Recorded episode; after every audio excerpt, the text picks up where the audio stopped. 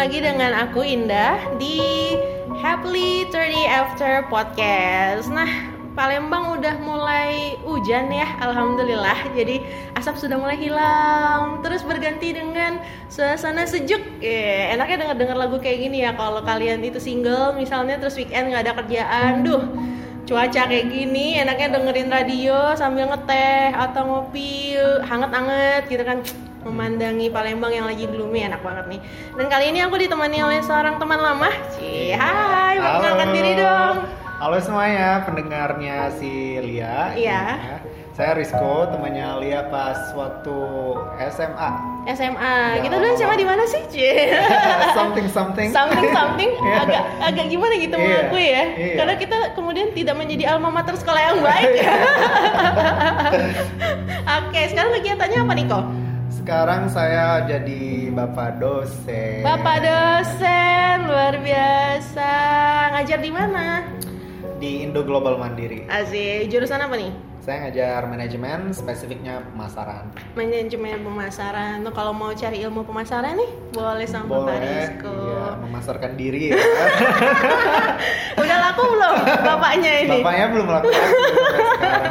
Tapi tahu ya soal ilmu menjual ya. Agak sulit memang dipraktekkan untuk diri sendiri ya. Oke nih, eh, hari ini di hari yang mendung ini, cie, kita ingin sedikit flashback dikit ya ke masa Boleh, lalu boleh, gitu. Karena ini juga teman dari masa lalu, cie. ke masa lalu Teman kita. teman-teman beneran ya, bukan teman-teman teman-teman. Iya, apa tuh teman-teman teman-teman. Oke nih, jadi eh, sekarang kan udah 30 ya kok ya? Um, yes, Iya, agak iya. berat mengakuinya, Iya, tapi udah ya. diakui tapi waktu itu di Eh, podcast aku iya. sebelumnya kan udah 30 nah em, di usia 30 ini rasanya pengen lah ya sekali kita melihat ke masa lalu Flashback, ya. flashback kehidupan kita yang dulu Masa lalu yang suram. Yeah, suram ya? Enggak Enggak kali kok. Bahagia masa lalu. Bahagia ya Boleh dong di share-share dong ke kita Jadi eh, sesuai judul podcast kali ini ya Kita mau memberitahukan kepada para pendengar That living to the fullest before you're 30 Of is course, very very important Iya. Kenapa tuh? Kenapa cerita dong masa lalu seorang Rizko tuh seperti apa yang mungkin menginspirasi anak-anak Iya. muda? Jadi um, kenapa kita harus living to the fullest Hmm, before we are 30? Mm-mm. Sekarang dari perspektif yang udah 30, Hmm. kalau udah 30 itu gimana ya? Hidup rasanya udah agak jalan aja udah males gitu kan. Oh. Sementara kalau kita masih muda, jiwanya masih adventurous, mau Hmm. jalan-jalan ke mana gitu kan. Mm-mm. Anyway, Mm-mm. jadi sebelum saya 30, saya dulu pernah um, tinggal di Inggris, Hmm. Kemudian juga move ke Australia. Dan Ngapain tuh? Ngapain tuh? Kalau di Inggris saya waktu itu kuliah, Mm-mm. ambil S2, terus uh, di Australia saya kerja waktu itu. Jadi living Jadi TKI atau gimana nih? TKI yang high quality lah. Wah, betul. TKI kita TKI tapi high quality ya. Oke, oke. Iya. Sharing-sharing dulu dong. Waktu ke London itu S2. S2 iya. Uh, jurusan? Waktu itu saya ngambil um, Islamic Finance. Oh my ke Inggris god. jauh-jauh ya. Ngapain belajar Islamik di negara yang tidak Islamik sama sekali? Ada apa? Dulu S1-nya apa dulu S1? saya satunya accounting. waktu Memang itu. accounting. Iya. Nah, terus memutuskan untuk S2 di Ber- London dan Iya, saya dulu mau coba branch ke tempat lain. Maksudnya branch ilmu waktu itu kan Islamic Finance lagi booming. high demand gitu kan. Oh. Jadi saya pikir waktu itu kenapa nggak coba gitu Islamic Finance dan Hmm. sekaligus belajarnya ya ke Inggris. Why? Why English tuh? Eh, Jadi em, dulu itu sebelum kita ke subjeknya Oke, oke. eh, Islamic Finance, dulu milih antara mau Singapore Hmm. atau Australia Mm-mm. atau Inggris. Yang paling bagus jurusan itu? Bukan jurusan, jadi saya Oh. mau kuliahnya di mana dulu waktu itu Oh. cari tempatnya dulu kan. Hmm. Saya discuss sama banyak orang, terus Mm-mm. cari-cari informasi. Saya pikir kan kalau di Singapura budayanya nggak terlalu beda sama Karena masih Indonesia. Asia ya? Iya, bukan masalah masih Asia ya, terlalu dekat, Oh. cuman 30 menit 45 menit dari Palembang ke Singapura. Mm-mm. Terus juga building-building aja. Maksudnya saya pengen ada Hmm. kota yang bersejarah gitu ya. Oh. Jadi um, kemudian saya compare terakhir antara Australia sama Inggris gitu kan. Mm-mm. Australia itu kan benua, dia di pojok sana sendirian gitu kan. Jadi mhm. saya pikir kayaknya agak kurang Terkucilkan ya? Iya, terkucilkan. Jadi saya pikir Europe aja lah. Jadi karena saya waktu itu bisa speakingnya English, Hmm. jadi saya pilih um, England waktu itu, Hmm. London tapi lebih tepatnya. Bisa muncul tiga pilihan ini dari mana nih? Memang tiga negara ini yang punya eh, kampus terbaik di dunia atau gimana? Um, enggak, Kan waktu- belum ngomongin jurusan Ya, belum ya? jurusan. Jadi um, bukan yang terbaik di dunia atau gimana ya. Memang interestnya aja gitu. Mau yang English speaking country, Oh. terus Hmm. tiga itu yang di um, yang ada di kepala saya. Kalau di Amerika Oh. ke- kejauhan dan kemahalan. Dan saya Oh. something sama Amerika jadi jadi nggak ke Amerika. Oh. Terus kenapa saya pilih Islamic Finance? Tadi saya bilang masih high demand. Hmm. Terus kebetulan setelah saya di sana baru tahu kalau ternyata di Eropa di negara non Muslim Islamic Finance-nya itu yang paling bagus yaitu di Inggris. Serius? Iya, why? Karena Inggris ini hubungan erat dengan negara-negara Arab. Negara-negara Arab ini punya banyak uang. Hmm. Jadi uangnya lari untuk investasi karena hubungannya dekat dengan Inggris. Uang-uang ini larinya ke Inggris. Karena yang invest adalah orang-orang Islam, jadi mereka mau carinya yang alternative investment, yaitu yang Islamic. Oh. Jadi di sana kan kita bisa lihat Emirates Stadium. Itu eh, by the way Emirates Stadium itu waktu itu saya tinggal di sana itu depan rumah saya. Jadi tanding Oh orang my Arsenal God. ya. Masih- ada calonnya ya Wak, di sana. Oh, oh jadi sebetulnya kem- kenapa eh, jurusan itu jadi besar di situ karena kerjasama dengan negara Arab itu Iya, terlebih hubungan dulu udah iya, ada, udah hubungan baik. internasionalnya udah baik gitu. Bukan karena mereka bisa membuat sistem pendidikan yang bagus tentang itu, kemudian Arab tertarik buat kerjasama, bukan? Bukan, jadi kan ekosistem. Jadi karena investasi tumbuh, berarti mereka butuh sumber daya manusia. Hmm. Untuk mendidik sumber daya manusia, maka mereka mendirikanlah institusi yang mempelajari, yang Oh. mengajari Islamic Finance. Oh, gitu. Oke. Nah, susah nggak untuk keterima di sana? Lewat mana? Beasiswa atau apa? Um, half half, uh, separuh beasiswa, separuh biaya sendiri. Waktu Hmm. saya tinggal di sana, waktu itu London kota termahal di dunia. Jadi Tahun berapa tuh? Waktu itu saya 2012 sampai 2014. Berapa pound sterling waktu itu? Waktu itu pertama saya ke dat- datang ke sana 2004 eh, 2012 itu 15.000. Kemudian Hmm, 2013 15.000. 2014 jadi 18 sampai 20.000. Wow. Jadi kursnya itu sangat Hmm. mahal buat duit Indonesia. Hmm, jadi memutuskan untuk separuh cari beasiswa. Em, bukan sih, bukan memutuskan. Jadi dulu sebelumnya itu niatnya mau biaya sendiri semua gitu Mhm, kan. mhm. Terus em, ditawarin gitu kan, coba deh bikin eh, semacam paper atau apa gitu kan, ditulis nanti Penelitian gitu ya? Bukan penelitian apa sih? Alasan kenapa cover letter lah Oh. ditulis gitu kan alasan kenapa pilih ini ya dapet lah Hmm. nggak banyak sih cuma lumayan lah gitu kan Hmm. menolong untuk biaya dari kuliah di sana kampus, dari kampus. dari kampus di sana Oh. gitu. Jadi kampus yang kemudian menawarkan kamu mau Iya, nggak iya, iya. untuk mengurangi biaya Hmm. kamu? Oh baik sekali. Iya. Karena kan Inggris mereka banyak donaturnya gitu kan Oh. universitas. Jadi apalagi biasanya negara-negara dari negara berkembang seperti Indonesia, eh, Bangladesh Oh atau mereka suka Thailand membantu ya? membantu yang ya, dari negara-negara seperti ini. Hmm, Oke, terus berlanjut kuliah. How the college there? Cek. It was amazing. Uh, Iya. like, The, the people orang-orangnya Iya, atau atau or- memang seluruhnya? seluruhnya secara keseluruhan orang-orangnya, makanannya, partinya. Oh. Terus apa ya pengalaman yang paling berharga di hidup saya gitu Hmm, ketika di tiga Inggris tahun, London. empat tahun, Uh, eh, enggak sih, tahun. cuman satu tahun setengah waktu Satu itu, tahun satu tahun setengah. setengah. Karena S2 di sana kan cepat, nggak Hmm. kayak di Indonesia. Jadi dari hidupmu Iya. yang 0 tahun sampai Iya. 30 tahun berapa ini? Iya. Satu tahun setengah itu yang paling berarti dan paling berharga.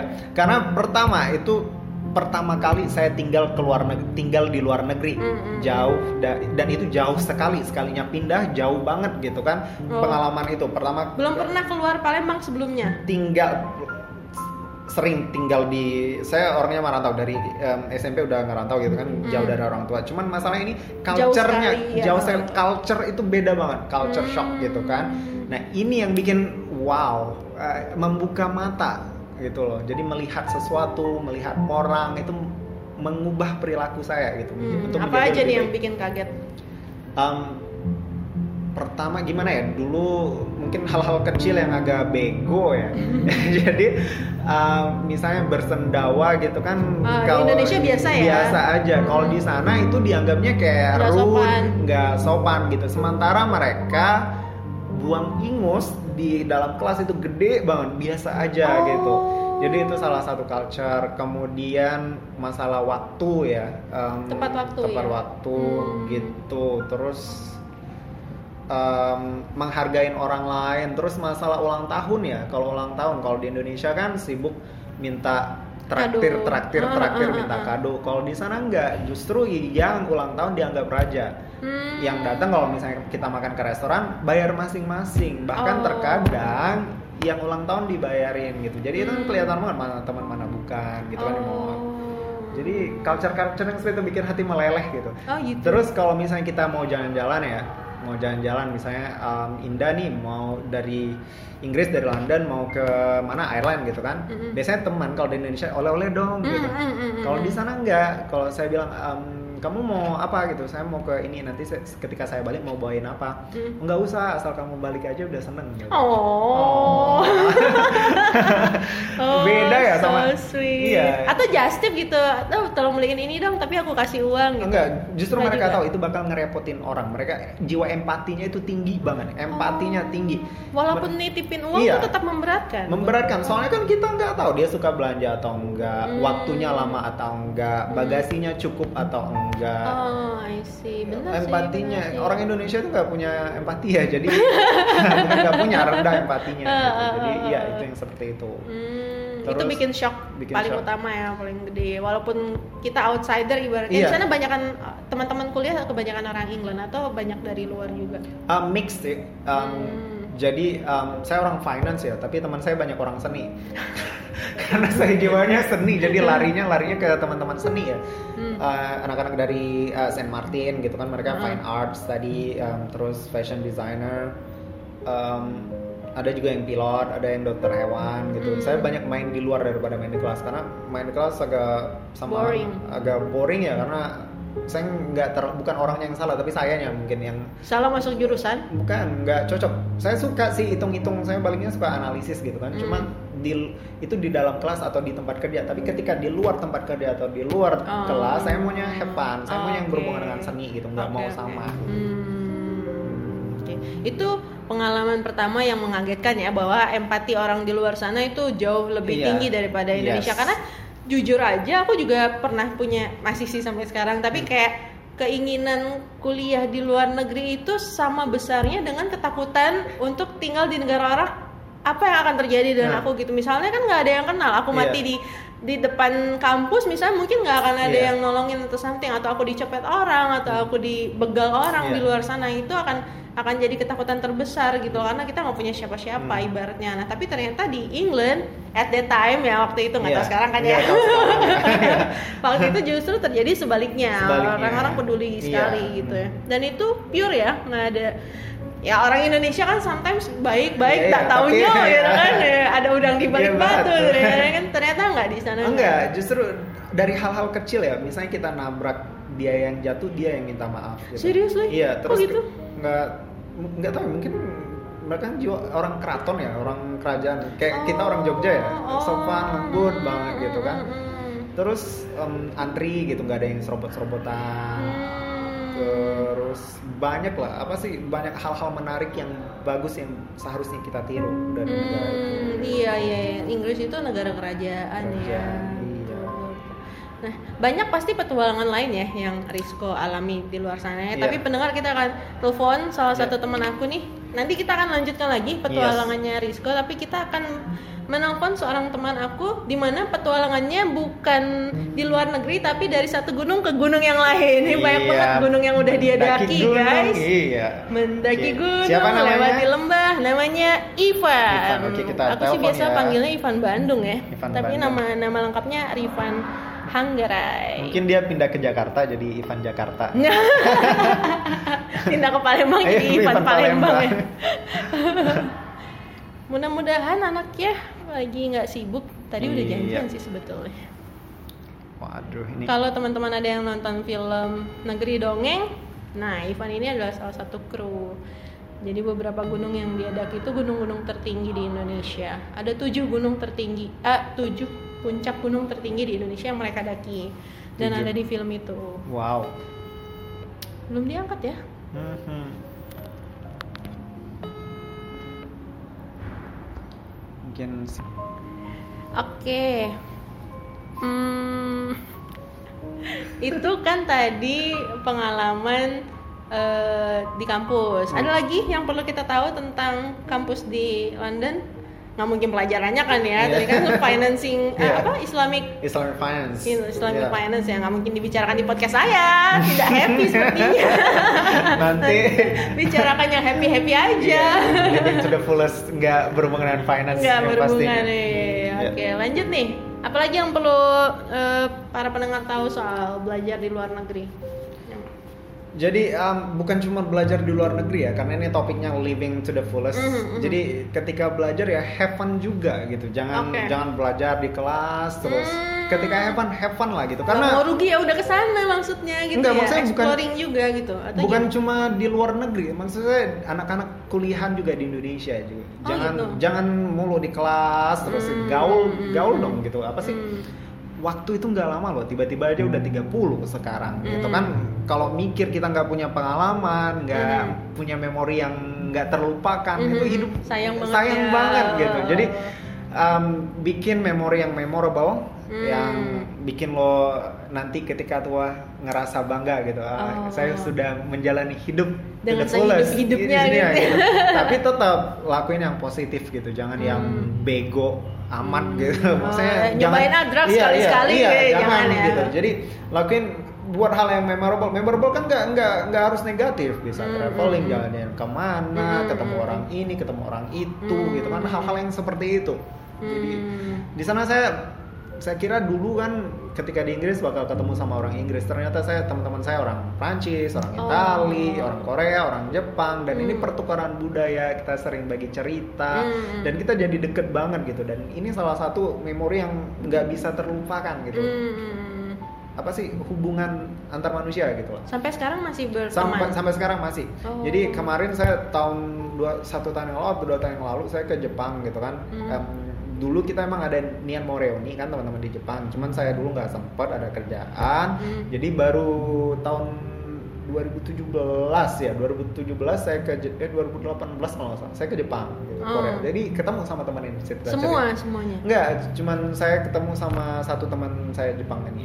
Oh, nggak jadi reuni ya? kalau Gak jadi reuni. bisa. Oh. Jadi dulu teman saya dari Spanyol duluan ke Jepang, dia visit saya dulu, gitu kan tiga bulan setelah sampai saya ke Indo, Indonesia, teman saya yang Spanyol eh, kunjungin saya, mau Hmm. ngajak ke Jepang, gitu kan reuni sama temen yang Prancis juga kan, cuman saya waktu itu ada kerjaan nggak bisa, jadi saya bilang saya nanti aja lah gitu. Jadi kemarin pas saya di Australia sekaligus ke Jepang dulu. Gitu. Oh, kayak di Australia untuk kerja. Kerja kemarin. Hmm, tuh. Eh, kata orang nih, aku dengar-dengar ya, bener nggak nih? Aku mau konfirmasi. Eh, French people is annoying people, bener nggak?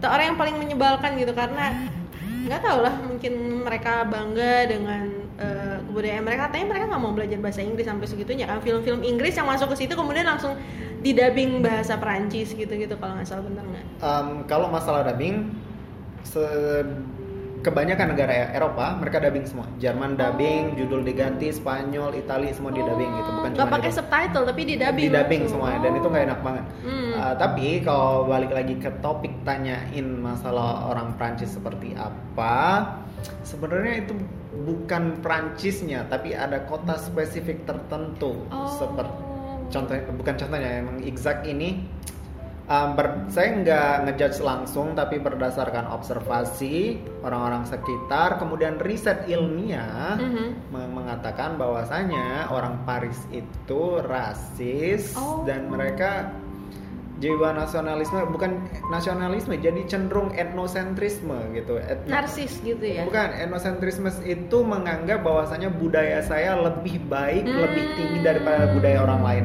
spesifik Paris doang iya. Tapi ya eh, sama kayak kita orang Indonesia lah orang Batak beda sama orang Palembang beda sama orang Bandung Hmm. seperti itulah orang Riau orang eh, Pati orang eh, yang lainnya gitu itu Hmm. berbeda-beda gitu kan Oh. makanya seperti itu Hmm. terus juga ketika mereka bicara memang sih eh, dianggap bahwasanya bahasa Prancis itu adalah bahasa paling romantis di dunia Hmm. tapi apa yang mereka bicarakan Mhm. itu bip bip bip seperti itu Oh. iya Ntar dulu, bib bib ini maksudnya seksual ah no it's um, dirty words Oh. Yeah. yes Oke. but once you know uh, ke- ketika anda dekat sama orang Paris jadi kalau kita orang Palembang kayak orang Kertapati ya Mhm. saya nggak gimana ya tapi kalau udah deket itu mereka nganggap kita kayak keluarga Hmm, tapi sebelum dekat itu ada Iya, tembok-tembok yang harus dilewati. iya. Oh. Kita harus tahu dulu open minded karena banyak teman saya dari Paris sih. Hmm. Cuman ya deket sekali. yang bukan teman pasti menganggap apaan sih? Iya, iya. Tapi ketika udah jadi teman udah ini. Soalnya ada beberapa teman Asia yang berkunjung ke Paris, mereka nggak tahan tiga hari ah saya mau balik ke London Oh, gitu. iya? Nggak tahan, mereka nggak nggak betah gitu, mau cepet-cepet pulang balik ke London. gitu. karena pada jutek pada itu tadi. Iya. Oh. Nah, seperti itu. Anyway, ini saya terus yang ditanyain kalau Ibu Indah sendiri. Ibu, kan udah waduh. 30 atau Eh, kita belum. jangan menuakan ya. Jangan menuakan, masih Iya, muda dong. Iya. Dulu kemarin gimana ya? Em, pengalamannya ya? living to the fullest. Wis living to Iya. the fullest. Kebanyakan sebetulnya living to the fullest aku itu secara nggak sengaja kok. Oke. Mungkin yang paling memorable adalah uh, my solo traveling ya. Jadi Wow. Kayak ya di Indonesia doang, belum Iya. keluar negeri. Ya, pernah sih ke Malaysia doang, Iya. tapi dan Hmm. itu pun urusan kerja gitu sendiri memang. Tapi itu nggak begitu berkesan. Eh, yang paling berkesan justru perjalanan-perjalanan ketika aku nggak sengaja harus jalan sendiri di Indonesia gitu. Jadi dulu kan aku kuliah di Jakarta. Oke. dan sempat aku eh, janjian sama teman-teman eh, kelas teman-teman kelas buat jalan-jalan ke Jogja waktu itu. Udah ya janjian janjian. Udah siap-siap. Emang waktu itu belum zamannya kita booking tiket online booking hotel online itu belum zaman. Jadi semua akan dilakukan hari H on the spot. Jadi belum ada persiapan apa apa waktu itu. Udah siap-siap aku hari H tiba-tiba nggak ada kabar nggak nggak jelas. Marah dong aku. Akhirnya ya udah deh aku tetap akan pergi tapi sendiri. Jadi aku nggak tahu rute aku nggak punya tujuan nggak ada teman juga dan aku sendirian gitu ke situ. Naiklah waktu itu bus. Bus tujuan ke Jogja Jakarta Jogja naiknya dari Pulau Gadung kalau nggak salah. Eh, naik duduk paling depan karena aku kan nggak tahu jalan ya nggak tahu di mana. Jadi aku duduk di belakang supir. Nah ada mbak mbak kemudian duduk sebelah aku terus dia nanya yang ngobrol lah perjalanan kan panjang ya ngobrol. Terus akhirnya dia nanya "E, mau ke mana? Dia bilang tuh mau ke Jogja. Oh ada teman ya? Nggak ada. Ada saudara ya? Nggak ada. Mau ngapain kamu? Katanya cewek sendirian masih kecil gitu kan. Enggak sih mbak. Pengen jalan-jalan aja pengen lihat Borobudur aku bilang kayak gitu kan. Ya ampun berarti nggak buru-buru dong dia bilang gitu sendirian mampir aja ke rumah mbak gitu. Jadi aku ya tanpa pikir panjang ya udah aku mengiyakan gitu. Terus di, di- kita turun di mana aku aku pun lupa kita turun di mana pokoknya di tengah perjalanan bus menuju Jogja berhenti di satu desa aku ikut sama orang yang aku nggak kenal gitu Iya. kan kan ibaratnya kalau kita mau skeptis orang kota Mau gitu ngapain kan ya? mau ngapain gue mau dijual nih atau Iya. mau di dibedet Iya. terus diambil organnya mau dijual kan negatif tingginya kayak gitu kan tapi saat itu entah kenapa aku aku percaya sama dia gitu Hmm. dan kampungnya itu kok di atas gunung. Ya ya agak-agak naik lah di kaki gunung di mana air itu bukan pam. Air itu ngalir terus dari gunung. Aku ngeliat Wow. luar biasa. Dan Itu itu banget. ditutup. Jadi mereka Jernih tuh nggak buang-buang jernih. Iya. jadi kayak aku ini air sayang sekali. Jadi air tuh ngalir Iya. terus terus kebuang kebuang kebuang. Wah, aduh gila ini sayang banget. Dan dan tempat mandinya itu nggak ditutup.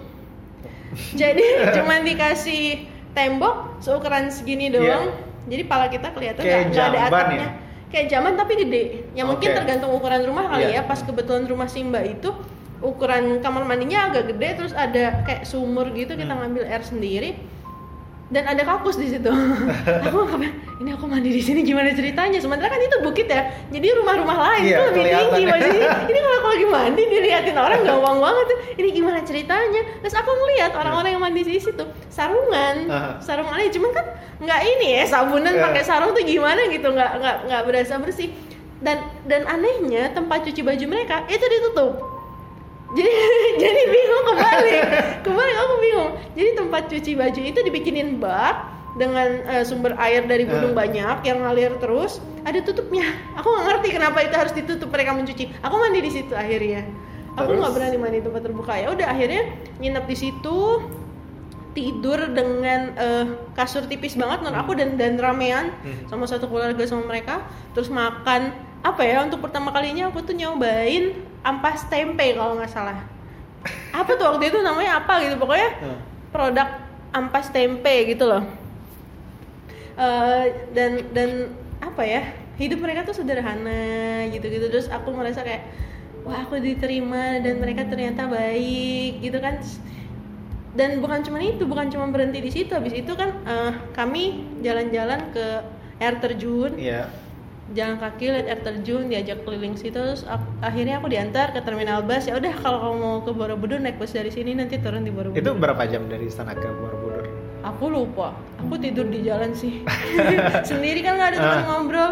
Aku tidur. Nah lucunya lagi bus itu emang sampai di Borobudur tapi aku sampai ke sorean dan Borobudur tutup. Oke. akhirnya aku celingak celinguk kan berarti aku harus nginep nih nginep di mana Hmm. aku lihat dompet cuma tinggal dua puluh ribu ya gimana ini nggak ada ATM gitu kan terus eh, akhirnya aku nanya sama anak SMA yang baru turun dari bus yang sama sama Hmm. aku terus aku bilang dek baru budurnya udah tutup ya iya kak udah tutup Eh, temenin kakak dong cari penginapan gitu kan Hmm. cari penginapan nanya harganya kalau nggak salah dua ratus ribu Iya. Terus aku bilang itu gimana ya? Aku nanya dia ada ATM nggak deket sini? Nggak ada kak. BCA lagi ATM aku kan di Borobudur kampung sekitar situ nggak ada ATM sama sekali gitu kan. Jadi terus dia ngeliat, aku kan kayak kebingungan gitu terus dia bilang kakak nginep di rumahku aja. Akhirnya aku nginep di rumah dia, nginep di du- rumah dua orang yang berbeda dan mereka baik banget.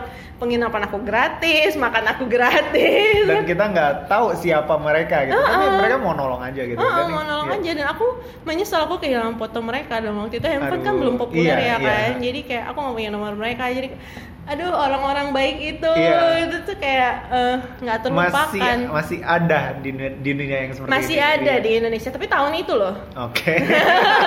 aku kuliah tuh 2007 sampai 2012 Mudah-mudahan yang nggak terkontaminasi. Mudah-mudahan, Sama iya. asap-asap gitu cantik. Nah, asap-asap, asap-asap kemunafikan.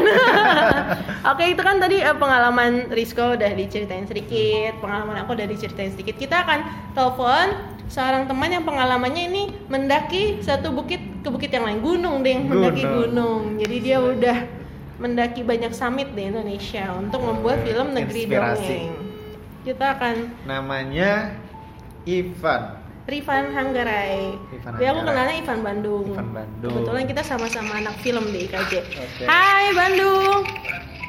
Woi Lia Tadi- Gila masih dipanggil Bandung aja gua Eh udah bukan Bandung lagi ya? Siapa dong sekarang? Hah? Ya Bandung sih emang tempat lahir gua Ya, terus lo mau dipanggilnya apa nih sekarang? Hah? Eh, Mau dipanggilnya apa nih? Abang tampan aja lah Iya, Bang Tampan follower di Instagramnya bisa marah ya kalau gue panggil Bandung ya. Gak, gak, gak, bercanda, bercanda Ivan aja lah Oke, Ivan, lagi sibuk apa, Van? Hah? Lagi sibuk apa? Lagi sibuk apa ya? Sekarang sih gua lagi sibuk keliling-keliling Sumatera Woi, keliling gunung di Sumatera maksudnya? Enggak, enggak, enggak keliling gunung Sumatera Enggak, enggak gunung aja sih Oh. Pokoknya dari atas sampai bawah aja Asik. gunung dan lembah ya. Ya iya, kemarin habis turun dari Merapi gua Merapi, bukannya lagi Merapi. bu- bukannya lagi ini aktif ya? eh ini sih apa level 2 tapi banyak yang naik Nggak apa-apa itu. Emang berapa level ya? apa Berapa level emang gunung? setahu gua kalau level 4 baru tuh Nggak boleh. nyari mati Oh, gitu, oke. Level 2 masih boleh lah ya. Level 3 waspada gitu ya? ya eh, ya level 2 tuh masih dalam waspada lah Oh, level 2 Tapi ini kita bukan nelpon hantunya ya. serem abis. Ya kali. ya ini kan lo ini kan eh, udah 30 ya Van sekarang ya? 30. Alhamdulillah, welcome to the club. Jadi ketahuan ya umur gue. Jadi ketahuan, aduh, follower followersnya jadi tahu deh. Eh, Nggak apa-apa lah. Umur 30 tapi kan yang penting jiwa masih 24. Iya. Asik. Ini nih yang lagi kita bicarain ini kan eh, dulu sebelum 30 lo ingat nggak berapa puncak gunung yang udah lo taklukin? Ingat nggak? Eh, bahasanya mungkin jangan ditaklukin ya. Wah, kayak apa-apa apa tuh? apa gitu ditaklukkan. Terus apa dong? Gunung tuh untuk bukan untuk ditaklukkan tapi dinikmati bro. Weh. Menikmati gunung ya. Yoi. Aduh sebagai perempuan nih aku gimana gitu kalau laki-laki dua orang laki-laki membicarakan soal gunung aku tuh agak sensi gimana gitu. Boleh dong diceritain dong lu tuh eh, udah ngapain aja sih sebelum umur 30 kemarin? Sharing dong. Sebelum umur 30 ya alhamdulillah sih udah dikasih kesempatan kalau gunung ya buat apa udah dikasih kesempatan untuk Seven Summit Indonesia. Jadi kayak tujuh gunung tertinggi di tujuh pulau besar Indonesia alhamdulillah udah Apa aja tuh apa aja? Gunung apa aja? Kalau di Sumatera, di Pulau Sumatera itu ada Kerinci. Hmm. Terus di Pulau Jawa paling tingginya ada Semeru. Hmm. hmm. Terus di eh, Nusa Tenggara itu ada Rinjani. Hmm. Nah, kalau Kalimantan itu ada Bukit Raya. Terus Mhm. di Sulawesi itu Latimojong. Hmm. Terus di Maluku, Ambon itu Binaya. Yang terakhir di Jayapura itu Kartens. Oh, Kartens, oke oke. Gitu. Dan ini semua pendakian terjadi karena kalian mau memang mau bikin film dokumenter soal puncak-puncak tertinggi di Indonesia kan ya? Atau Iya. kalian mau naik gunung dulu terus ya udah kita dokumentasiin deh gitu atau gimana? Nggak itu emang dari awal emang kita konsepin kita emang pengen bikin film pengen bikin film dokumenter sih tentang perjalanan si tujuh puncak gunung itu. Hmm. Alhamdulillah filmnya udah tayang, udah sempat Hmm. tayang di bioskop. Hmm, gua nonton kok, gua nonton. 2000. Oh, udah nonton ya? Udah Nonton ya? dong. Gimana filmnya? Seru nggak? Wah seru banget. Terus gue jadi iri gitu. jadi eh, sedikit cerita ya kok ya. Eh, di di itu kan ada tujuh puncak Oke. yang mereka daki kan Aha. dan masing-masing puncak itu kan ada timnya ya Van ya. Nah nggak nggak ketujuh tujuh itu semua tim yang dari awal kemudian berakhir dengan tim yang sama. Iya. Jadi kayak ada Oh. ada yang tumbang, ada yang sakit terus diganti sama orangnya Van ya kalau nggak salah Terus ya. kalau Ivan yang tujuh gunung semuanya selamat gitu. Berhasil ya. Berhasil. Berhasil. Alhamdulillah. Alhamdulillah. Alhamdulillah. Nggak nggak termasuk salah satu yang tumbang. Iya. Enggak, enggak, enggak. Selamat. Mm. Nah, lanjut dong selain itu kemudian itu jadi ibaratnya pembuka jalan lo untuk kemudian menikmati puncak gunung yang lain ya atau emang udah doyan manjat gunung sebelumnya? Ya apa ya mungkin karena emang basicnya dulu lahir di bawah kaki gunung ya kan Asik. cara hidup di Bandung di dikelilingin gunung terus emang Hmm. kebetulan rumah gue di kaki gunung Manglayang jadi emang waktu Waduh. kecil udah sempat beberapa kali naik gunung jadi kayak jadi kebiasaan gitu Udah lah. biasa aja gitu. ya. Ah, jadi kayak udah oh ya mungkin ini salah satu cara gue untuk meditasi asik naik Asik. gunung Meditasi juga naik gunung, oh my god. Lanjut lanjut dari Seven Summits di Indonesia lo ke mana lagi? Eh, kalau di, di gunung apa di beberapa gunung Jawa yang tiga ribuan ya adalah beberapa. Kalau kalau dulu tuh ada istilahnya kalau zaman Mapala. Dulu kan gue di IKJ itu satu kampus sama Le gue ikut Mapala juga. Jadi kayak ada istilahnya kalau dulu tuh apa tutup gunung Jawa gitu kan. Nah kalau untuk Oh. nutup gunung Jawa tuh gunung Jawa 3000 tuh gue tinggal sisa dua apa tiga lagi gitu. Wah. selebihnya ya udahlah kalau yang di atas 3000 Hmm. Kalau berdasarkan pengalaman Ivan, yang paling susah, eh, yang paling banyak perjuangannya untuk mencapai puncak gunung, gunung yang mana? eh Gunung Jaya Wijaya sih Gunung Kartens karena apa ya itu bisa dibilang ya gunung yang paling mahal kali di Indonesia. Di mana? Di dunia? Di Indonesia. Di Di Indonesia. Indonesia. Oh. Itu termasuk gunung yang paling mahal kosnya Iya. ya kan? terus apa waktu tempuhnya juga untuk nyampe untuk nyampe base camp itu enam hari jalan kaki dulu baru nyampe base camp Hmm. pokoknya untuk ke Kartens sampai dua minggu lah waktu itu hmm, Wow. Tapi worth it Gitu. nggak? Ah, worth it banget. Karena justru apa ya, ketika gue ngelihat Jaya Wijaya gitu ya, mungkin dulu dulu gue apa, ketika gue masuk Jaya Wijaya itu gue bisa bilang kalau Eropa itu mirip Indonesia. Asik. landscape-nya ya, landscape-nya gitu. Dulu Ah. sebelum sebelumnya kayak, wah gila ngeliat ngeliat landscape landscape di Eropa keren gitu. Dan pas Hmm. gue masuk Jaya Wijaya, oh ternyata kita juga punya. Jadi makanya setelah gue ke Kartens tuh kayak gue bisa bilang, eh Eropa mirip Indonesia kali. Oh, tapi habis itu lu beneran mendaki di luar Indonesia kan ya? Naik Himalaya kayak kalau nggak salah ya? Iya, cuman nggak nggak apa cuman apa trekking trekking sampai base camp base campnya aja. Oh, nggak nggak summit ya? Nggak nggak nggak nyampe summit. Kalau itu wah, perlu itu perlu meditasi tingkat tinggi. Bukannya lu udah tinggi banget meditasinya, Pak gimana sih? Gara-gara eh, ya a- a- akhirnya setelah setelah Jadi Doctor Strange nanti. setelah eh, bermeditasi sebanyak itu, Van, lo udah ngerasa hidup sehidup hidupnya belum? Asik. Gimana ya? Tapi terus terang ya, maksud gue ketika gue pertama kali jalan yang si Seven Summit Indonesia itu justru itu apa ya buat gue itu adalah kayak life changing sih titik balik Hmm. titik balik titik balik hidup gue gitu karena ketika gue berproses jalan panjang gitu kan apa ya gue ngerasa kayak eh sebelum sebelumnya gitu kayak gue itu nggak ngapa-ngapain gitu Hmm. maksudnya kayak sebelum gue melakukan perjalanan panjang tuh mungkin gue termasuk orang yang berpikir secara apa apa segala sesuatu segala sesuatu selalu gue nilai dengan materi gitu kan Iya. Hmm, hmm, tapi tapi ketika gue melakukan perjalanan ini gitu kan eh, banyak hal yang gue temuin di jalan gitu kan gue banyak ketemu orang-orang baru Hmm. hasil di mana itu ngasih perspektif baru buat Iya. gue gitu Hmm, hmm, hmm, hmm. jadi kasarnya ya, ya mungkin gue hidup di jalan ya gue belajar untuk sederhana sih intinya Iya. itu sih yang gue dapat Itu di di umur berapa kemarin pas bikin filmnya itu? 20 berapa? itu 28 kayaknya ya. Oh, Iya, 28. itu tiga tiga tahun yang lalu Oh tiga tahun. Oh ketahuan dong umurnya sekarang. Alah clue aja lah. 30 tahun ya kan Ya mudah-mudahan pendengarnya matematikanya jelek semua. Oke jadi lo udah mengalami titik balik hidup lah ya ibaratnya ya masuk 30 ya.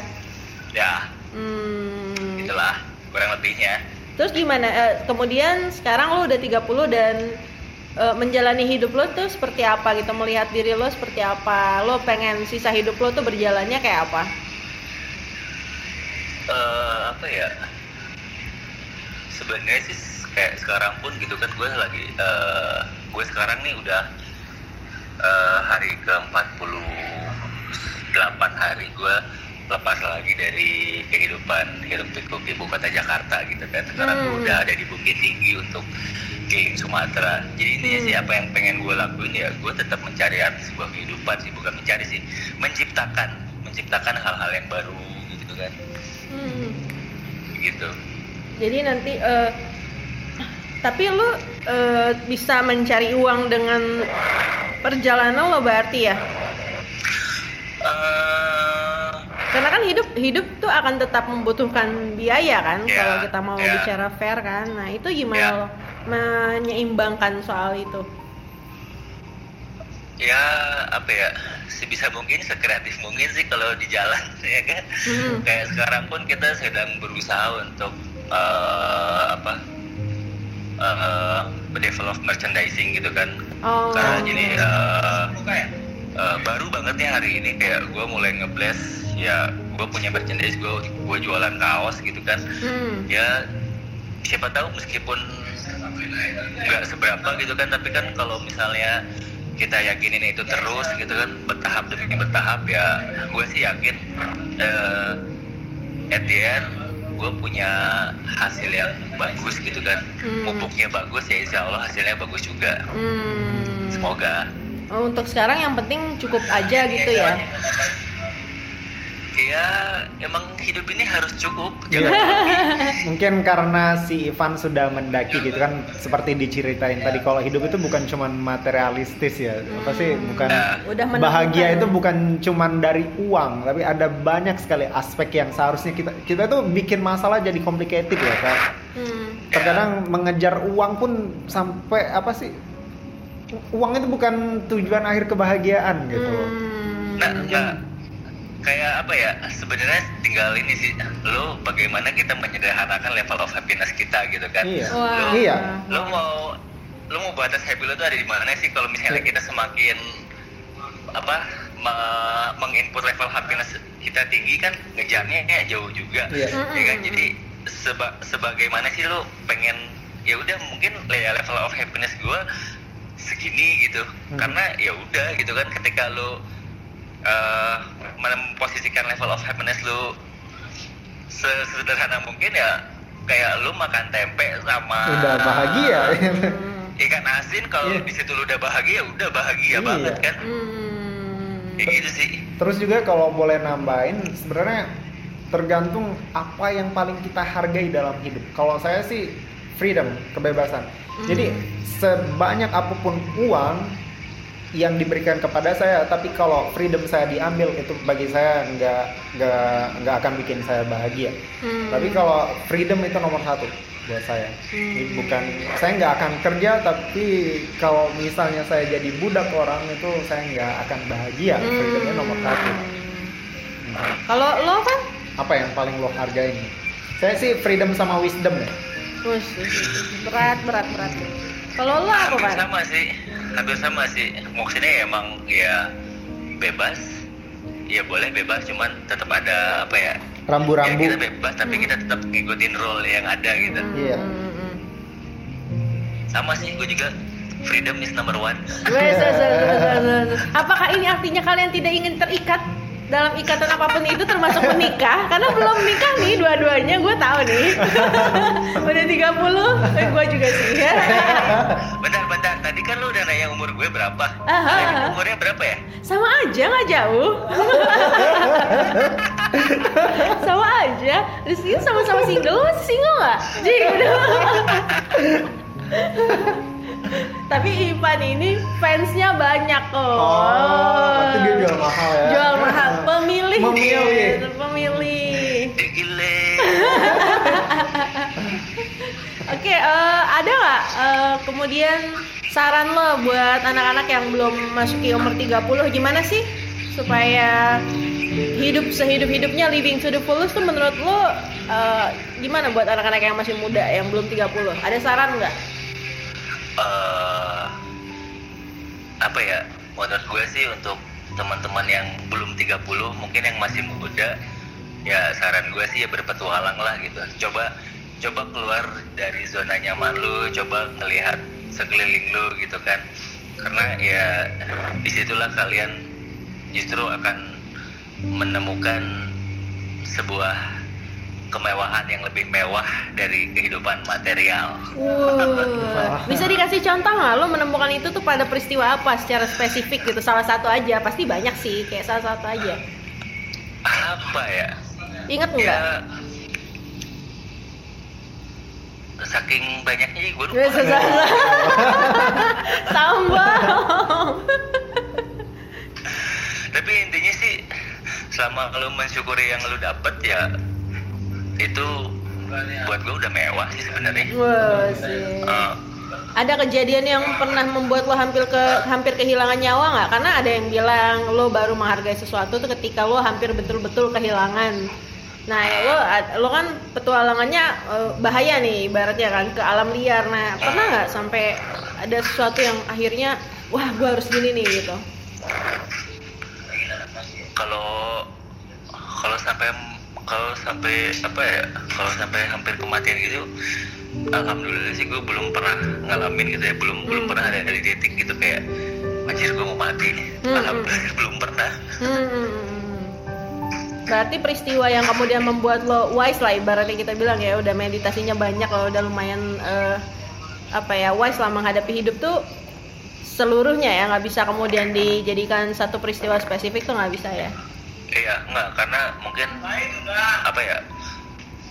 Karena mungkin gini ya, ketika gue naik gunung kan karena kebanyakan tuh gue ketemu dengan orang-orang yang ya bisa dibilang mereka hidup sederhana gitu ya. Hmm, hmm, hmm. Dari, dari, dari situ gue bisa melihat maksudnya apa ya? Mereka tuh bahagia banget gitu. Yang mungkin dari pertemuan-pertemuan itu yang bisa Hmm. mungkin membuat gue berpikir seperti ini gitu. Hmm. Dan langsung nggak betah tinggal di kota ya? Terus terang apa ya sekarang tuh kayak gue udah mulai gimana ya kayaknya tuh kalau lama banget di kota tuh rasanya tuh gue udah mulai pengen berontak kayaknya gue harus cabut Asik. gitu Kembali ke alam liar gitu ya. ya ya maksudnya nggak ke alam liar juga maksudnya ya alam yang gitulah. Eh di di pagar alam tuh harimau harimau Sumatera mulai keluar lo kalau butuh tantangan baru. Menghadapi udah udah alam pernah yang naik gunung sebenarnya. Dempo belum Ivan? Belum. Belum ya? Oh, coba tadinya naik tuh. kita tadinya kita mau ke sana ya kan? Cuman eh, apa pas kita mau naik tempo dapat kabar ada ada ada pendaki yang meninggal terus lagi evakuasi. Jadi kita memutuskan nggak ke sana karena takutnya tempo masih ditutup. Apa Iya. nggak jadi ya kan? Terus pas kita udah lewat tempo kita pas lagi di Kerinci kalau nggak salah dapat kabar kalau ada ada yang diterkam sama harimau baru-baru ini berarti kan? Iya. Hmm, hmm, hmm. minggu-minggu dua minggu yang lalu lah kalau nggak salah. Mm, mm, mm, mm. masih kok sampai sekarang korban masih berjatuhan. Sedih sih gue dengernya. Ya mau gimana lagi? Itu kayak apa ya bagian dari ulah manusia juga kan Hmm. ya lahan lahan harimau diambil ya gimana Hmm. gimana nggak marah harimaunya betul betul betul betul. Ya kan? Lu aja kalau uang lo dicopet pasti lu marah. Ya tapi gue nggak nyakar juga sih. Oke lah ada yang mau lo sampaikan lagi tentang kehidupan? Cel tentang kehidupan. Ke pendengar gue nih atau ke mungkin nanti pendengar lo atau fans fans lo bisa berkunjung ke podcast gue biar rame Cel ada nggak yang pengen disampaikan nih? Terakhir nih. Eh, yang pengen gue sampaikan sih apa ya mungkin sejak kita lahir kita tahu kalau ya, hidup kita tuh kan berujung kematian kan. Cuman ada ada proses ada pro- proses dari lahir sampai kematian ya. Cuman nah proses itulah yang lo harus kalau kata kalau kata berarti habis itu mati. Wow. Gitu. Applause dulu buat seorang Rifan Hanggarai. Oke, jadi lo sekarang eh, mau mengeksplor apa lagi selain ini? Eh tunggu dulu, gue belum nanya. Setelah 30, kemudian lo merasakan perubahan nggak di diri lo? Kan lo masih berpetualang nih berarti ya. Ada nggak perbedaan dulu 20 dan sekarang 30? Fisik mungkin atau apa gitu? dari pola pikir atau apa gitu. Wah, kalau secara fisik berasa banget Nggak bisa bohong ya umur ya. Kalau secara fisik ya kalau dari pola pikir ya apa ya mungkin di di, di umur yang sekarang mungkin gue lebih lebih bisa menghargai arti hidup itu sendiri sih. Jadi Oh. sebisa mungkin apa dari sekarang mungkin ke depannya ya gue harus punya manfaat, punya arti untuk semesta ini. Wah, luar biasa. Oke. Oke, terima kasih banyak, Rifan. terima Yo, kasih. Buat waktunya. Selamat berpetualang lagi. Abis ini ke mana? Habis ini kita apa ya? Habis ini sih gue mau lanjut ke rencananya sih ke Lembah Harau. Hmm. Sampai ke dari Lembah Harau tujuan gue sampai ke titik nol Sumatera ya kan? Eh titik nol iya titik nol Barat. Oh. Terus pulang ya mudah-mudahan sih harapannya gue bisa dari nol Barat bisa sampai ke nol Timur. Wah, Ya, lu sama- iri banget ya. Merauke. menginspirasi sekali Iri sekali. Oke, semoga sukses ya. Yo, Kita eh, berkabar bentar, lagi. Buat buat para pendengar tolong di follow Instagram iya ekspedisi kita Tetap ya. .exp oke Ntar, ntar, ntar gue tambahin deh di deskripsi Instagram lo. Oke ya, thank you. Oke. Dadah, thank you. Bandung. Yo, Bandung. yo, Oke lah. Gila. Da, da. Kalau aku nggak nggak kekejar sih wisdomnya, Wisdom. meditasinya sih. Bandung nggak kekejar sih kalau aku sih kayak menginspirasi banget it, it's too far. orangnya deep ya tapi kalau kalau lihat penampilannya nggak nyangka dia punya pemikiran sedih ini seriously karena ya anak gunung gimana sih Iya. kan eh, gembel lah bisa Iya. dibilang kan nggak rapi kayak anak kota gitu Hmm. tapi ternyata pemikirannya who knows ternyata justru lebih tinggi Mm-mm. Duh. for ya. tapi tadi em, tadi sempat diskusi gitu kan apa sih yang udah berubah dari lo setelah umur 30 tahun Hmm, gitu kan? Physical. Kalau physical and also um, your perspective. Mm-mm. um, something in your mind. Kalau Hmm. Indah apa sih yang dari fisik dulu apa yang udah berubah? Pasti ya nggak usah ditanya lagi ya kan? Pasti yang tadinya bisa bolak-balik lantai satu Iya. sampai lantai empat dengan beberapa menit aja. Sekarang tuh kayak naik cuma satu lantai doang udah, nak mati aku aku nak mati ini nak mati ini. Oh my god. Ya bener itu itu terasa. Jadi kayak eh, apa ya dulu tuh kan kayak aku tuh oh ini lagi-lagi ya Iya. eh, petualangan dalam hidup aku itu bukan terjadi secara disengaja dan karena aku Iya. mau gitu aku tuh nggak begitu suka jalan tapi dilelahnya ketika aku lagi emosi aku butuh jalan aku jalan jadi Iya. aku pernah jalan dari pasar 16 nyebrang Ampera sampai Jakabaring oh my god sampai rumah aku tahu kan kalau rumah aku kok di komplek Ah. OP Ah. jadi dari dalam komplek OP keluar ke OP Iya. Mall aja tuh udah jauh Ah. loh ini aku jalan dari pasar 16 sampai rumah wow. Dan It- itu karena karena aku lagi galau. Hmm. jadi kayak dan itu mengobati galau nggak? Ada Eh, iya. efek nggak? Jadi bukan mengobati kesedihannya atau tapi paling tidak distract. Ya eh, ketika lagi marah atau ketika lagi eh, emosi itu kan ada energi Iya. yang menumpuk dan harus keluar kan. Jadi either kita melampiaskannya ke orang ngeluarin itu dengan melampiaskan ke benda kalau jalan itu kan lama-lama berkurang. Iya. karena tenaga dan energi itu tersalurkan jadi Mhm, capek mhm. jadi keringat. Nah itu sebetulnya gitu. Jadi ketika aku jalan aku aku sampai rumah nah mati rasanya memang. Cuman emosi aku udah turun udah ada ada tenaga lagi untuk marah atau sedih. Oke. paling abis itu aku tidur atau apa. Nah banyak itu itu cuman salah satu contoh pemulihan diri ketika Hmm. aku lagi emosi itu. Nah sekarang aku udah butuh waktu sepanjang itu untuk menurunkan Iya. amarah aku yang tinggi tadi. Cuman ma- memang masih kadang-kadang aku nggak bisa nahan. Nah. masih kadang-kadang aku melampiaskan ke sesuatu atau ke Hmm. orang gitu. Tapi eh, kadang-kadang sekarang aku bisa meredam dan nggak butuh waktu selama itu. Jadi kayak sekedar waktu itu tuh aku eh, dapat undangan dari mantan. Curhat curhat. I know this guy. Kesel banget. Aku kesel banget. Terus aku sampai eh, curhat di sosmed ya, sesuatu yang sangat bodoh dilakukan dan aku sangat menyesal melakukan itu. Tapi kayak itu itu nggak bisa aku tahan. Tapi aku bisa menahan diri untuk nggak menghubung eh, maksudnya nggak nggak melakukan hal lebih bodoh lagi selain Ah, itu gitu. oke. jadi kayak aku langsung curhat ke teman aku lagi marah nih bu gitu. Dan badan aku terasa panas. Hmm. panas nih. Terus teman-teman langsung bilang e, minum coklat atau minum pisang. Terus dengerin lagu dia bilang gitu. Dan I do it Hmm. jadi kayak abis itu aku minum coklat dingin terus aku Hmm. dengerin lagu and exactly cuman sepersekian detik emosinya turun. Padahal tuh aku lagi curhat sama teman. Itu buat pendengar resep ya. Ah, resep udah usia 30 kan menahan amarahmu Iya. saat usia 30 jadi aku tuh lagi curhat sama temen awalnya tuh kita tuh merencanakan rencana buruk. Kita gini kita gini kita gini gini.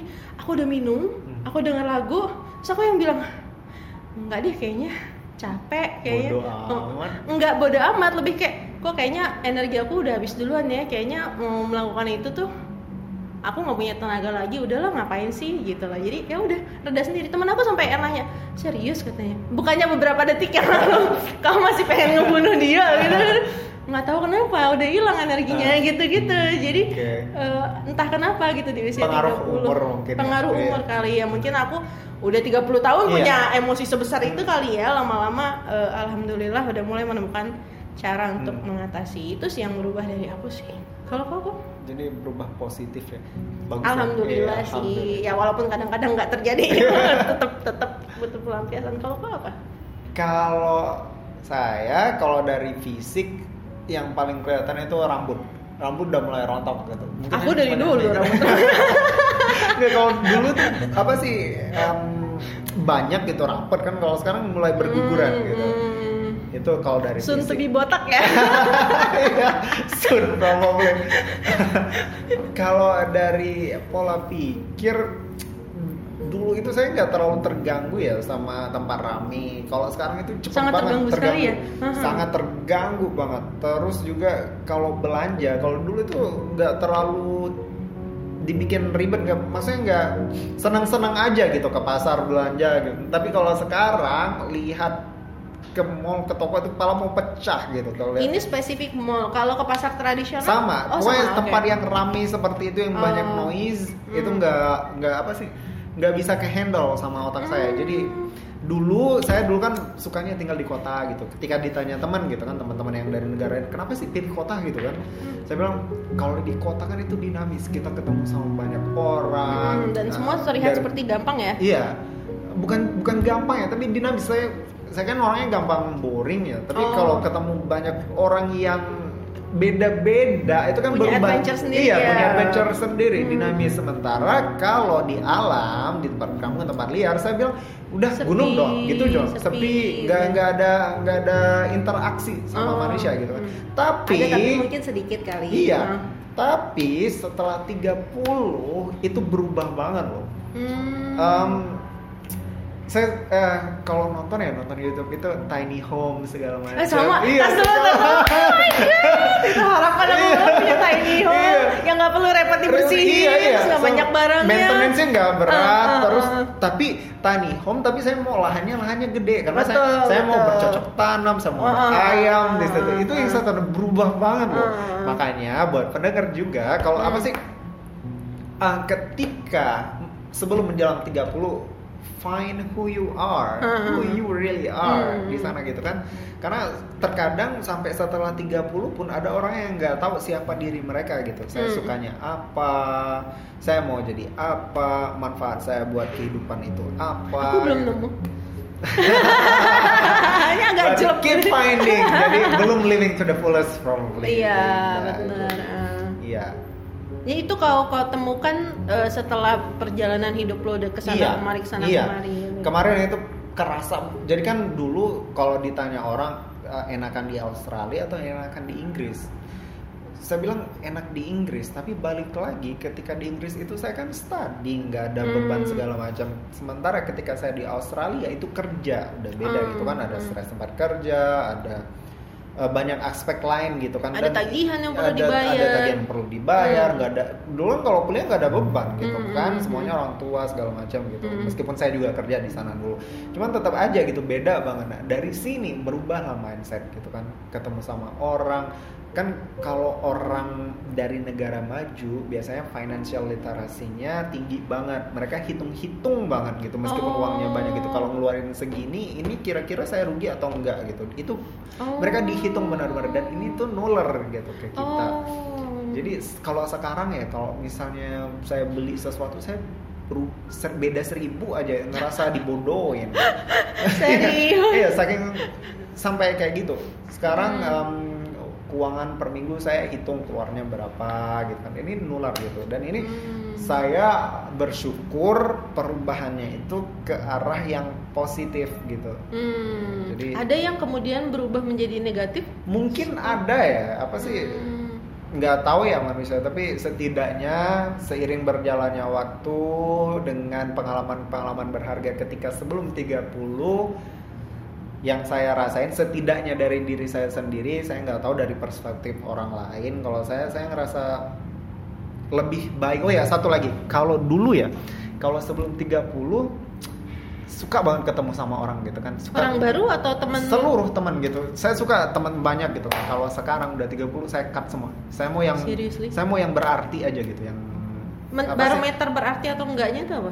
nggak apa sih? Saya nggak suka orang yang bicara bullshit Eh, saya apa sih ngomong-ngomong doang gitu kan karena saya pikir saya udah 30 time wasting banget kalau ngomongin yang nggak benar yang kita nggak ada koneksi sama orang tersebut secara emosional Mhm. saya pikir saya udah 30 saya kalau mau buang waktu saya saya mau buang ke- dengan bersama orang-orang yang saya anggap saya deket gitu saya Hmm. mau bikin intimate moment gitu Hmm. jadi orang-orang yang saya rasa nggak bukan apa setidaknya nggak cocok orang apa sih terkadang meskipun orang itu baik tapi nggak klik ada gitu kan vibe-nya nggak cocok nah saya nggak mau juga yang seperti itu saya mau yang klik aja gitu Hmm. yang comfort Oh sama aku nih ngobrol sekarang? Nyambung lah. Ah, alhamdulillah ya teman-teman.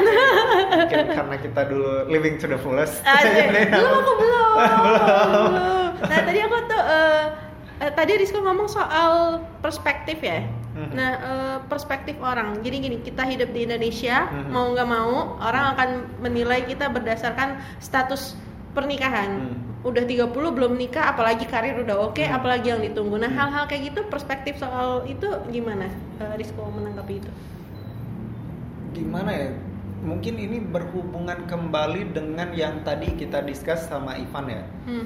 Em, beda prioritas, terus juga Mhm. saya freedom ya, masalah freedom ya. Ya mungkin pertanyaannya prioritas setelah 30 nih eh, apa atau gimana? Prioritas saya sih karir ya, karena saya dulu kan ke masih di corporate ya kerja di perusahaan. Kalau sekarang kan berubah ke akademik, itu kan Mhm. beda. Hmm. Saya membangun dari awal lagi sekarang Oke. karirnya. Jadi saya mau bikin fondasinya kuat dan saya masih sama sekali belum kepikir untuk ke arah sana membentuk Oh. keluarga karena apa? Saya pernah pacaran tapi nggak ada yang salah sama yang saya pacarin. Tapi sepertinya saya yang salah gitu karena saya ngerasa terganggu, ngerasa saya nggak suka. Saya biasanya kalau membuat keputusan itu di saya sendiri. Sementara Hmm. kalau kita ada pasangan semuanya harus discuss. Saya Hmm. nggak suka yang seperti itu. gitu. Oh.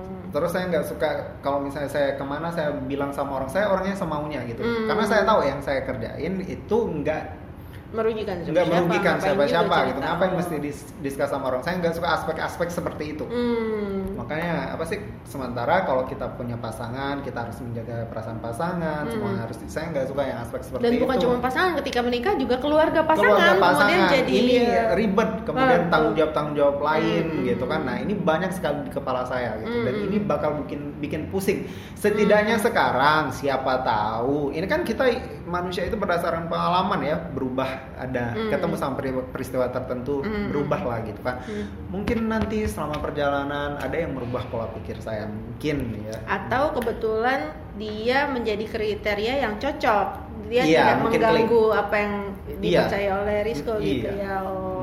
Tapi nggak kemudian diporsir harus ketemu atau ditarget aku boleh nih hidup kayak gini tapi sampai 33 aja Iya. atau sampai 34 Um, aja i- itu dulu saya Oh. sebelum 30 kalau mau traveling ke mana traveling tapi Hmm. kalau setelah 30 mantap duduk karir Oh, gitu. gitu itu udah diporsir sama saya dulu gitu Hmm. jadi um, sebelum 30 itu hidupnya main-main leha-leha lah gitu Oh. ke mana-mana tapi setelah 30 sekarang mau fokus ke karir tapi meskipun fokus ke karir tetaplah kita kan manusia butuh refreshing Hiburan, ya. gitu kan hiburan mungkin ada rencana-rencana traveling lain gitu Oke.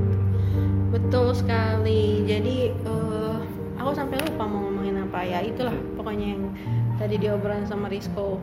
Hmm, apalagi ya ada ada kalau generasi sekarang menurut Rizko gimana ngelihat generasi mungkin ada teman atau ada saudara yang umurnya 20-an terus udah sudahkah mostly atau mahasiswa Rizko umurnya Iya. 20-an ya mungkin Iya. Ah, ya ada banyak pihak yang bisa Rizko lihat dan teliti gitu Hmm. sudahkah mereka living to the fullest on their 20 pertama sih em, saya bel- tidak tahu kehidupan pribadi mereka seperti Hmm. apa gitu kan Hmm. tapi yang jelas ketika di kelas terkadang saya bilang gitu jangan cuman belajar gitu Hmm. hidup ini apa sih sebentar gitu tiba-tiba udah 30 aja gitu jadi sembari anda muda em, carilah pengalaman gitu Hmm. yang positif ya gitu dan buatlah hidup anda hidup anda itu berarti untuk diri anda sendiri dan juga untuk orang lain gitu Hmm. Kumpulin memori-memori yang nggak terlupakan jadi ketika anda tua nanti anda puas dengan kehidupan yang telah anda jalanin gitu kehidupan Hmm. anda berarti Hmm, oh ya, tadi kan Rizko bilang tuh eh, umur 20-an have fun doing everything you want to do, Iya. tapi ketika 30 tuh udah harus settle, udah harus Iya. mulai menit. itu saya ya itu baru Iya, nggak Kalau misalnya ada orang yang baru mau living to the fullest after their 30s Hmm. itu gimana menurut Rizko? Em, kita ada prioritas masing-masing terus ada faktor aspek-aspek tertentu dari finansial dari apa ya kalau balik lagi meskipun living to the fullest kita mesti realistis ya. Hmm, hmm. Jadi kalau misalnya hal-hal yang realistis terpenuhi dan mau living to the fullest dan tidak merugikan diri anda sendiri dan ri- diri Orang orang, lain, lain, ya hmm. why not gitu. That's your Oh. life. Dan living to the fullest saya pikir nggak mesti ninggalin karir ya, tetap Hmm, aja gitu hmm, bisa. hmm. Kalau em, kalau di ada orang-orang sekitar saya waktu itu saya pernah di Australia ada yang career change. Hmm, Dia oh ya? dari dari chef ngerasa ah ini udah terlalu berat nih buat saya. Jadi dia beralih menjadi guru gitu. Oh ya? Ke Umurnya passion. berapa itu? 32 atau 33 Oh. career change. Itu udah umum loh di negara. Ada teman saya orang Jerman, dia dari nurse Hmm. mau jadi electrician.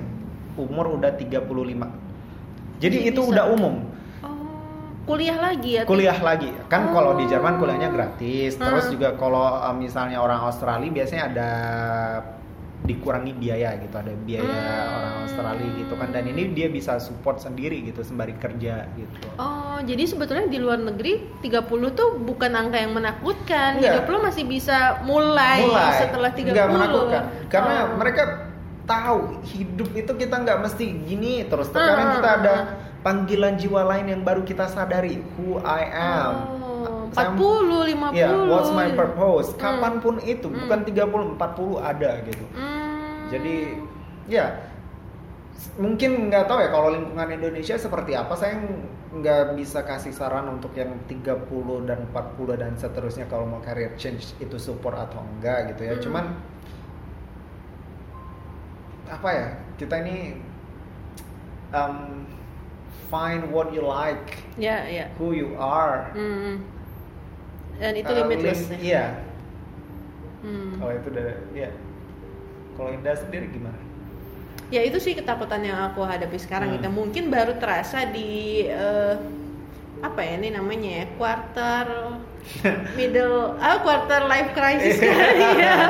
Jadi baru terasa aku nih mau ngapain sih gitu. Hmm. Karena selama ini tuh kayak eh, aku ke Jakarta meniti karir terus disuruh pulang ke Palembang karir di Palembang aja. Ya udah aku pulang gitu kan. Terus mencoba meniti karir di Palembang gonjang ganjing nggak cocok balik lagi ke Jakarta mulai lagi dari Hmm. awal. Kemudian sudah ada posisi dia ya lumayan lah udah bisa settle lah bisa dibilang disuruh pulang lagi Palembang pulang lagi itu akhirnya em, karena aku terus-terusan pulang karir aku tuh jadi nggak gitu. ah, karir aku nggak seperti teman-teman yang memang dari Hmm. dulu Hmm. eh, continually gitu meniti karir di posisi itu sekarang udah ada yang jadi director udah gini udah gini gitu kan Hmm.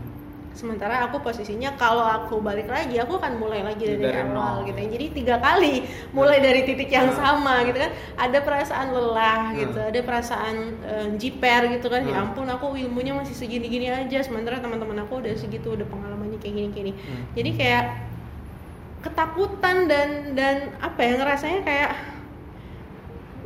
aduh sudah give up gitu dan menjadi ibu rumah tangga aja gitu kan kalau Indonesia tuh kayaknya Iya. pilihannya untuk perempuan itu kalau nggak karir lo oke banget udah 30 Atau? lo menikah Iya. kayaknya jalan keluarnya cuma dua itu jadi bukan bukan kemudian berganti karir Iya. di usia berapa masih bisa ganti karir dan masih bisa sukses kayaknya itu terlalu jauh gitu buat orang Indonesia nah jadi ketakutan itu yang sekarang lagi aku hadapi gitu loh. Bisa nggak sih hidup aku mulai lagi dan dan aku baik-baik saja gitu loh? Eh, ya kepikirannya apa nyerah aja nikah jadi istri orang gitu gitu menurut menurut kau gimana kok kalau aku itu ya itu yang aku rasakan ketakutan itu yang aku rasakan gitu loh. Either aku mulai lagi dari nol lagi dengan tambengnya atau ya udah nyerah aja. Hmm.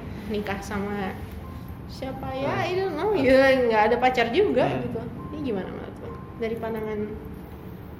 Um, mungkin ada pe- itu pendengar-pendengar lain yang menghadapi hal yang sama gitu. Bukan jawaban yang orang lain bisa jawab itu jawaban yang anda sendiri harus temui gitu. Uh, prioritasnya seperti apa maunya seperti apa Hmm. gitu kan apa yang mesti saya harus saya korbanin Hmm, gitu kan. hmm, Keput- setiap keputusan yang kita ambil pasti ada pengorbanan yang kita lakukan sekecil apa pun itu gitu kan dan sanggup nggak kita mengorbankan itu gitu Hmm. itu bukan pertanyaan saya yang bisa jawab tapi anda sendiri ya kebetulan jalan hidup kita juga beda kan Iya. mungkin kalau jalan hidupnya mirip tuh bisa ini tapi kalau misalnya aku mau minta saran sebagai teman gitu kan Hmm. aku mau eh, mulai lagi hidupku ibaratnya eh, tadinya aku berpikir akan berkarir di film tapi kan kemudian udah jauh nih Iya. ibaratnya udah jauh udah umur M- mungkin masih bisa dikejar tapi eh, ada pilihan lain misalnya aku eh, mengejar karir aku dari nol lagi di film atau aku mengubah sedikit. Jadi eh, jadi pengajar misalnya S2 misalnya kayak gitu. Dan kemudian aku mengajar akan akan ada tetap kemungkinan aku bekerja di film tapi ada juga kemungkinan aku tidak bekerja lagi di film sama Hmm. sekali gitu. Nah dua-duanya kan sama-sama mulai dari nol lagi kamu bangun lagi dari nol. Mana pilihan yang lebih masuk akal menurut Rizko nih dari dari dari perspektif mungkin Rizko kenal aku Hmm. terus uh, melihat kebiasaan orang Indonesia atau gimana atau perempuan Indonesia pada umumnya itu Hmm. gimana menurut Rizko? Well, kalau bilang atau um, menyerah menikah tadi kemudian jadi tiga kalau bilang masalah stage in life, saya juga sedang mengulang dari nol ini. Oh, Karena iya? saya baru berapa bulan balik Eh, sejak August, August, September, Oktober, November baru lima bulan sekarang empat bulan lah. Ini kan Desember masih awal, baru empat bulan. Belum full empat bulan, tiga bulan karena Agustus itu akhir ya. Jadi saya juga baru lagi ngulang Sebelumnya? lagi. Sebelumnya saya kan karirnya bukan di akademik, saya di corporate waktu di London itu saya di uh, perusahaan investasi, Hmm. kemudian di Australia saya di hospitality gitu Hmm. kan nggak ada hubungannya sama akademik. tapi Jadi itu dulu memang sudah punya rencana ke depan di situ enggak balik lagi tadi kan udah didiskus bahwasanya sebelum 30 saya mau leha-leha gitu kan. Mm-mm. Jadi saya cari jobnya yang saya bisa bebas gitu Mm-mm. kemarin. Dan itu yang temuin. Dan saya udah tahu kalau 30 saya mau akademik. Oh. karena saya orangnya akademik. Saya suka sekolah dulu. Saya suka sekolah belajar gitu kan. Nah dan skill passion interest semuanya ada di akademik. Maksudnya yang Hmm. saya orangnya art juga ke art tapi uh, di samping art itu ada bagian otak saya yang suka analisis gitu. Dan ini nggak bisa di ignore oh. jadi harus dipenuhi. Anyway, balik ke saran tadi, eh, pilih yang mana ya? Cuman soalnya saya nggak tahu karir di perfilman itu seperti apa prospeknya. Terus kalau Mm-mm. Indah mau jadi akademik ngajar tentang film atau yang berhubungan dengan film, Indah punya passion, punya bakat nggak? Itu itu balik lagi bukan pertanyaan yang bi- Hmm. saya bisa jawab Hmm. atau pertama Indah harus bikin list dulu Mm-mm. nanti um, dari ak- sisi akademik pro and cons-nya apa kekuatan Mm. negatifnya apa Mm-mm. terus sama juga ketika dunia film seperti apa gitu Oh, kan oke.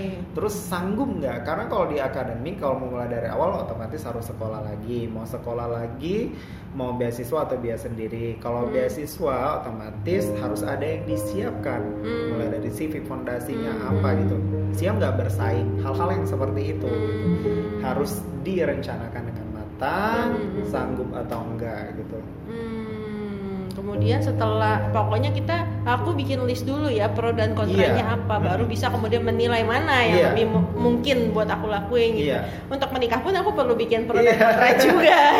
kemudian oh ini nggak mungkin ini Nggak mungkin. mungkin gitu. Oh, Oke, mungkin ada ya teman-teman ya yang stage of life-nya juga sama kayak Iya. aku. Jadi itu yang yang yang perlu teman-teman lakuin gitu. Bikin list priority dulu Iya. kemungkinan kesulitannya apa, keuntungannya apa, tenaga yang kita punya berapa, Iya. masuk akal nggak kalau Iya. kita pilih ini gitu-gitu. Jadi mungkin akan lebih mudah untuk memilih daripada ngawang-ngawang Yes, iya, kan? ngawang-ngawang. Hmm, Oke, itu dia teman-teman.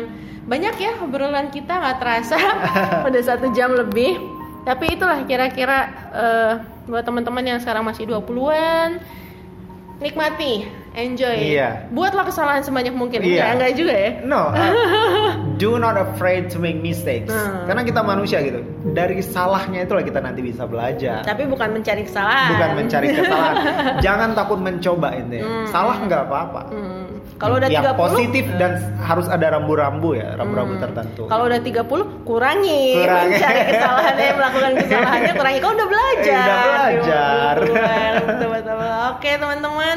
Itu tadi ya sedikit obrolan kita tentang uh, living to the fullest in eh, before your Before. 30. Tapi bukan berarti hidup kalian nggak bisa dimulai setelah 30 juga, nggak apa-apa juga Yes. gitu loh. Setiap orang kan beda-beda. Oke, itu aja semoga bermanfaat. Selamat bermalam minggu. Yeay, Sampai ketemu. Sampai Dadah. ketemu. Dadah.